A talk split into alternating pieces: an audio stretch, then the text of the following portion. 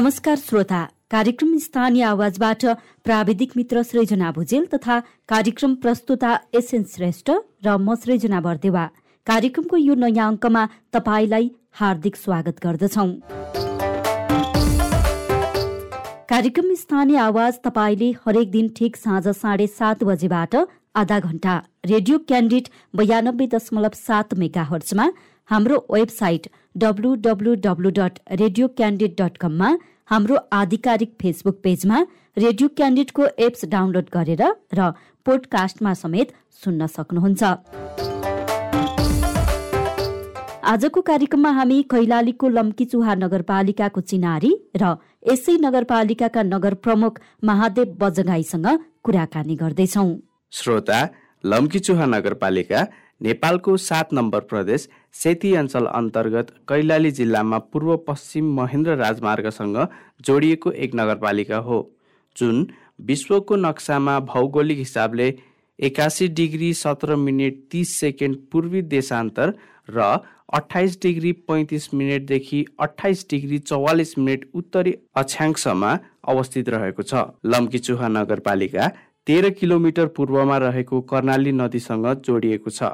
यसको उत्तरतर्फ मोहनियाल गाउँपालिका पश्चिममा बर्दगोरिया गाउँपालिका पूर्वमा कर्णाली नदी तथा बर्दिया जिल्ला दक्षिणमा जानकी गाउँपालिका र दक्षिण पश्चिममा जोशीपुर गाउँपालिका पर्दछ। चुहा र बलिया गाविस मिलाएर यस लम्की चुहा नगरपालिका घोषणा भएको थियो। नयाँ संरचना अनुसार तत्कालीन प्रतापपुर गाविस थपिएर नगरपालिका घोषणा भएको हो। यस क्षेत्रको औसत तापक्रम एकचालिस डिग्री सेल्सियस र न्यूनतम दस डिग्री सेल्सियस रहेको पाइन्छ। यस नगरपालिकाको जम्मा घरधुरी चौध हजार सात सय सन्ताउन्न रहेको छ। यस नगरपालिकामा मिश्रित जात जातिको बसोबास भए तापनि जनजाति दलित र बाहुन क्षेत्रीको बाहुल्यता रहेको छ।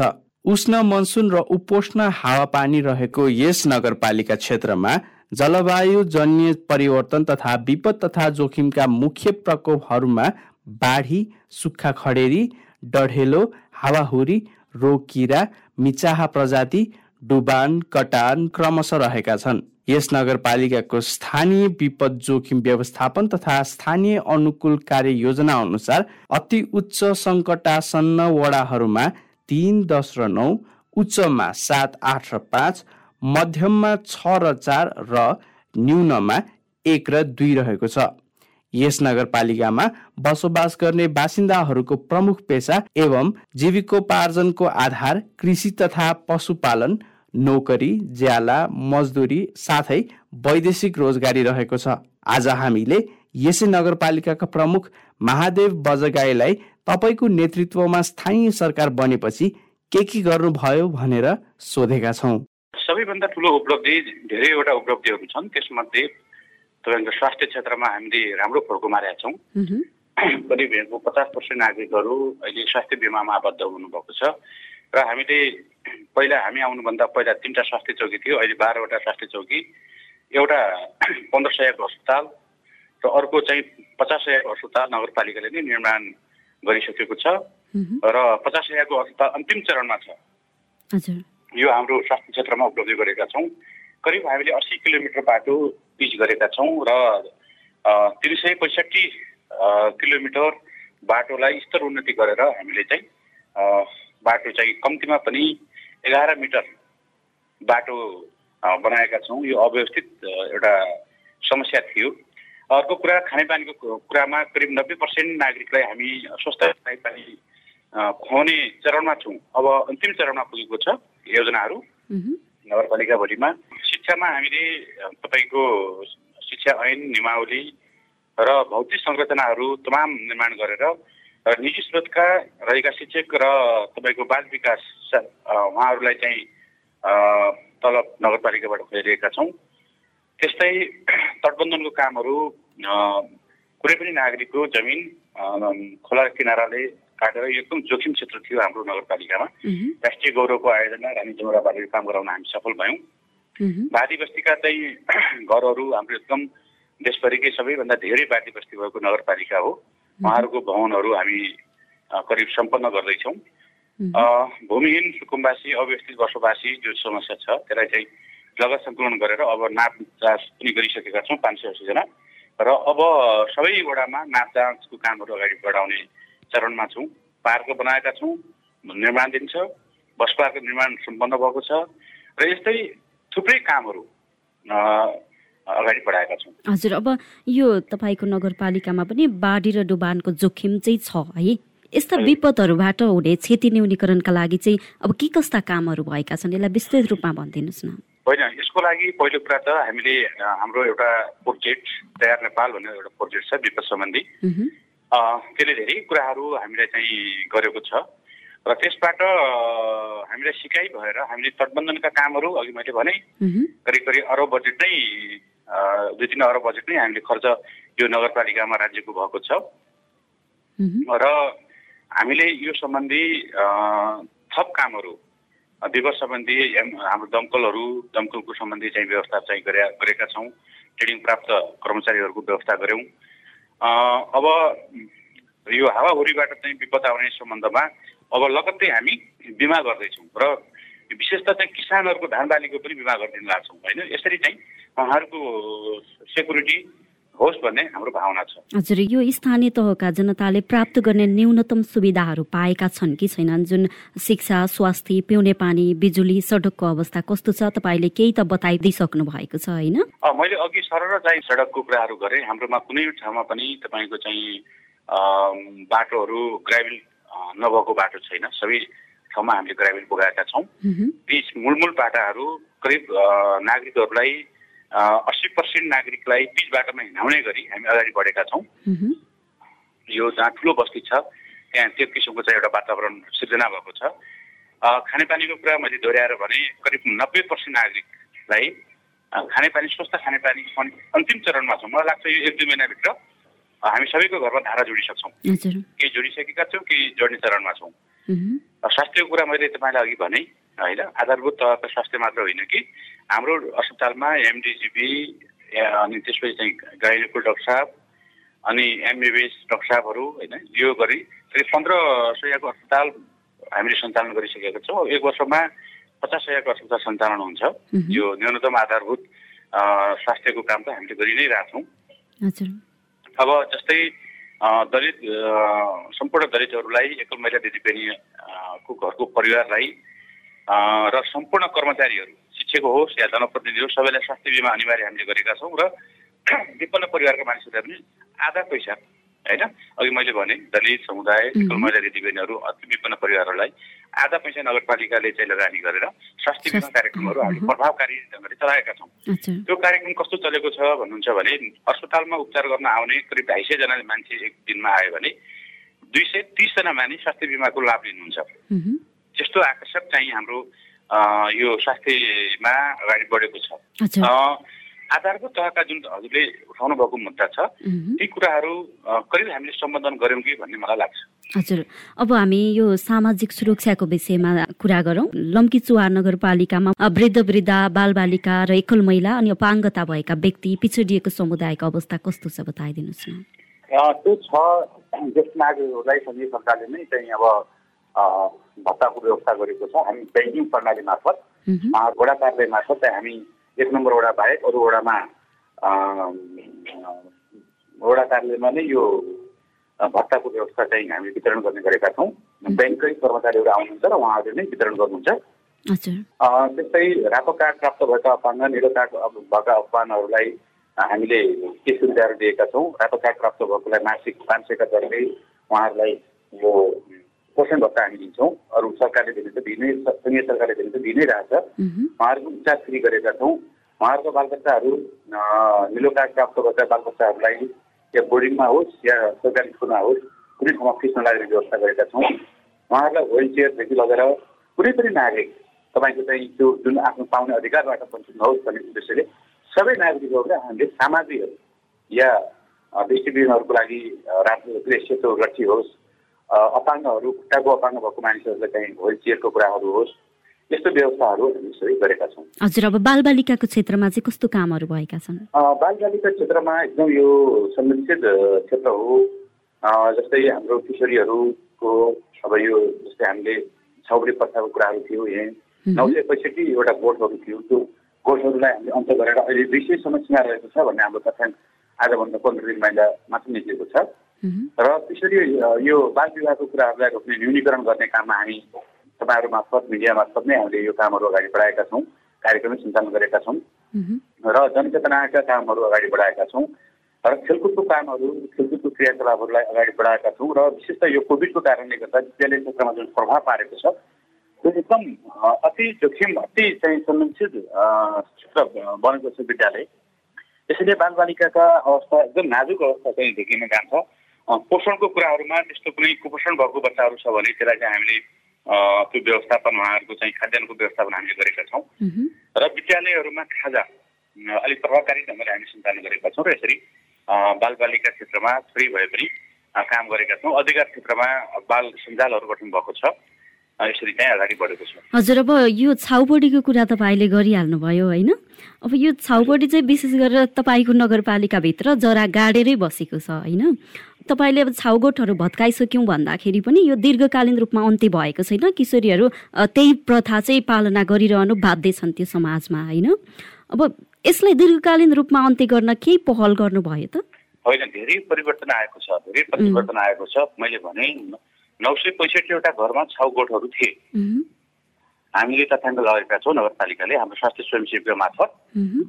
अनि अहिले आएर यो लास्टका कार्यकालमा जोड गर्दा करिब दुई सयवटा चाहिँ छाउबडी कोठहरू फेरि बनेका छन् भन्ने कुराहरू आयो। हामीले त्यति बेला सबै हटाएका पनि थिएनौँ।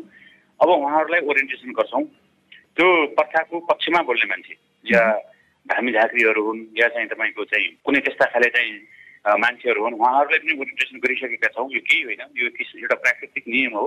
जसका विभिन्न पक्षहरूसँग उहाँहरूसँग छलफल गरेर अब दुई सयजना मानिसहरूलाई पनि हामी पुरै मानिस पहिला नौ सयजनालाई गर्न सक्ने कन्डिसन थिएन।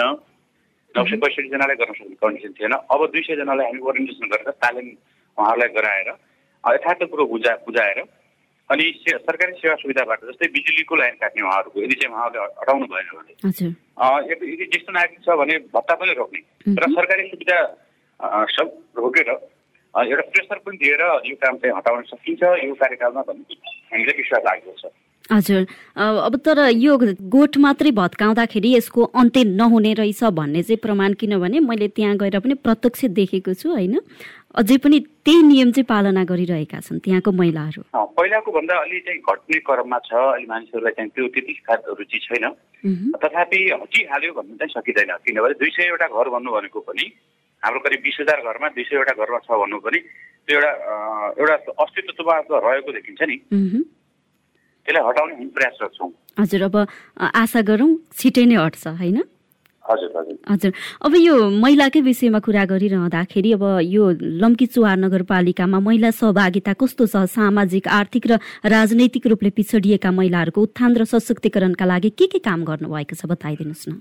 यसको लागि पहिलो कुरा त महिलाहरूलाई आत्मनिर्भर बनाउनु नै पहिलो कुराहरू छ। उहाँहरूको चाहिँ महिला दिदीबहिनीहरूलाई सशक्तिकरण चेतना विशेष त चाहिँ आमा समूहहरू अनि स्वयंसेविका दिदीबहिनी मार्फत अनि कानुनका कुराहरू होइन कानुनका कुराहरू सिकाएका छौँ।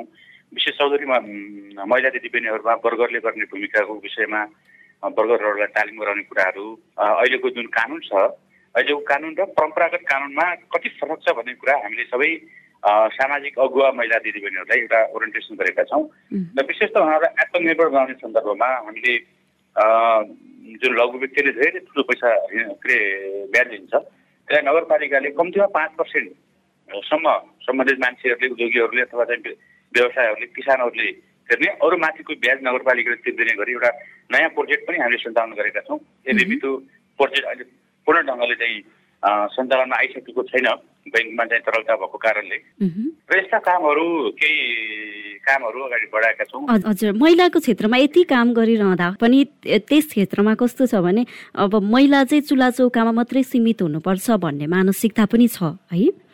अब अहिले तपाईँको नेतृत्वमा यति काम भइसकेपछि चाहिँ कति महिला चाहिँ अगाडि बढेका छन् त त्यो क्षेत्रमा? होइन महिला क्षेत्रमा त एकदम आकर्षक बढेको छ। एक त चाहिँ संविधानले पनि धेरै कुराहरू तेत्तिस पर्सेन्ट अधिकार सुनिश्चित गरेको छ। वडामा महिला दिदीबहिनीहरूको सहभागिता व्यापक छ। अझ भन्ने हो भने पुरुषहरू त सबै विदेश गएको अवस्था सबै भन्नाले धेरै अत्याधिक मात्रामा विदेश गएको। महिला दिदीबहिनीहरू नै समाजमा अहिले अगुवाई गरिरहेको अवस्था देखिन्छ र उहाँहरूले यो समाज चलाउनु भएको छ। यसमा चाहिँ तर सबै चिज भइसक्यो भन्ने गरी मैले अर्थ लगाएर व्याख्या गर्नु हुँदैन। पहिलाको तुलनामा केही अगाडि बढेको अवस्था छ। हजुर अब यो रोजगारको कुरा गरौँ अब लम्कीचुवार नगरपालिकामा रोजगारको अवस्था के छ बताइदिनुहोस् न। रोजगारको कुरा मैले अघि भने एउटा प्रविष्ट त्यसैमाबाट पनि धेरै रोजगारहरू सृजना गर्न सकिन्छ। अब प्रधानमन्त्री स्वरोजगार कार्यक्रम छ त्यसबाट पनि हामी धेरै दिदीबहिनी दाजुभाइहरूलाई काम दिइरहेका छौँ। अब सुरु गर्छौँ। विगत वर्षमा धेरै राम्रो देशभरिकै हामी पहिलो नगरपालिका भएका थियौँ प्रधानमन्त्री स्वरोजगारको बजेट आउनमा। किनकि सबैले काम पनि हामीले लगायौँ। त्यसको पक्षता पनि राम्रो देखिएको अवस्था छ। हजुर। तर त्यहाँको स्थानीयहरू चाहिँ रोजगारको खोजीमा चाहिँ हरेक दिन छिमेकी मुलुक भारतमा गइरहेका छन् होइन के उनीहरूलाई गाउँमै रोजगारी सृजना गर्न सकिँदैन? गाउँमै सिर्जना गर्न वातावरण अलि सबैलाई एकैचोटि नसकिएला। किनभने अहिले यान्त्रिकरण ज्यादा भएको छ। यन्त्रले मान्छेहरू काम लिइरहेका छन्। र बेरोजगार मान्छेहरूको सङ्ख्या बढ्दो दिन बढ्दो दिन बढिरहेको छ। तथापि हामी त्यसमा प्रयासरत छौँ। प्रयासरत छौँ। उद्योग धन्दा कलकारखानाहरू यो कोभिडको कारणले धेरै मार परेको अवस्था छ। बाली नाली नष्ट भएको छ। एउटा एक किसिमले भन्ने हो भने यो अहिले कहाँले लाग्दो आर्थिक कठिनाइ बैङ्कमा चाहिँ पैसा तरलता छ। पैसा नै छैन। यी विभिन्न कारणले गर्दा हामीले चाहेर पनि नगरपालिकाले चाहेर पनि एउटा जनप्रतिनिधि भएको नाताले धेरै कामहरू गर्न नसकेको यो स्वरोजगार सम्बन्धी काममा एउटा सङ्कट छ भन्ने मैले बुझेको छु। हजुर पक्कै पनि। अब हामी यो शिक्षाको थोरै कुरा गरौँ। अघि सुरुवातमा पनि केही बताइदिनु भयो यहाँले। अब यो विद्यालय शिक्षाको अवस्था कस्तो छ बताइदिनुहोस् न। शिक्षाको अवस्था अब खासै पढाइ नै हुन पाएन यो कोभिडको कारणले। पढाइ सुरु हुन्छ फेरि बन्द हुन्छ पढाइ सुरु हुन्छ फेरि बन्द हुन्छ। तथापि अहिले खोपहरू सबैलाई लगाइसकेपछि विद्यालयहरू सञ्चालन भएका छन्। र विद्यालयमा भौतिक संरचनाहरू पहिलाको मात्रामा धेरै अगाडि बढेको छ। अब यसरी के व्याख्या गरौँ भने कुनै पनि विद्यालयमा पुरानो संरचना र आजको चार वर्षको संरचना तुलना गर्ने हो भने धेरैवटा विद्यालयहरूमा करिब डबलै फरक परेको छ। यसरी कामहरू अगाडि बढेका छन् र यो यदि कोभिड हुँदैन थियो भने शिक्षामा हामी धेरै राम्रो प्रगति गर्न सक्थ्यौँ। पहिला चौध हजार बच्चाहरू हाम्रो सरकारी स्कुलमा पढ्थ्यो भने अहिले त्यसको डबल हुने कन्डिसन देख्दैछौँ। निजी स्रोतबाट निजी विद्यालयहरूबाट धेरै बच्चाहरू माइग्रेट भएर यता सरकारीमा आएको अवस्था छ। सरकारीमा गुणस्तरको अलिक विश्वसनीयता भयो कि भन्ने हाम्रो मूल्याङ्कन छ। हजुर। अब यो उच्च शिक्षा अध्ययनका लागि विदेश जाने विद्यार्थीहरूका लागि तपाईँको स्थानीय तहले केही पहल गरेको छ? कि के कस्तो छ यस्तो विदेश जाने बच्चाहरूको लागि हाम्रो कुनै त्यस्तो भूमिका छैन।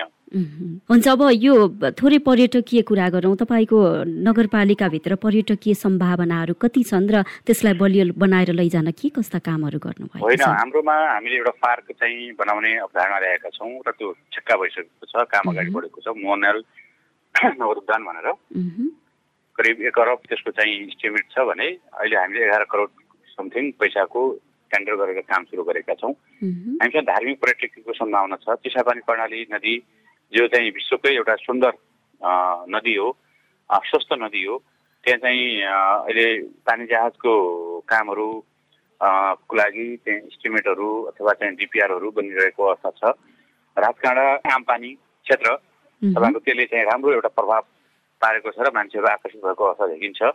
हाम्रो विकासको मूल के अरे मेरुदण्ड नै पर्यटकीय क्षेत्र हुने सम्भावना बढेको छ र हामी यसरी अगाडि बढेका छौँ। हस् हुन्छ यहाँको व्यस्तताको बावजुद पनि हामीलाई समय उपलब्ध गराइदिनु भयो। यहाँलाई धेरै धेरै धन्यवाद छ मेरो तर्फबाट पनि देशव्यापी ढङ्गले पुगाउन अवसर दिनुभयो त्यसको लागि धन्यवाद।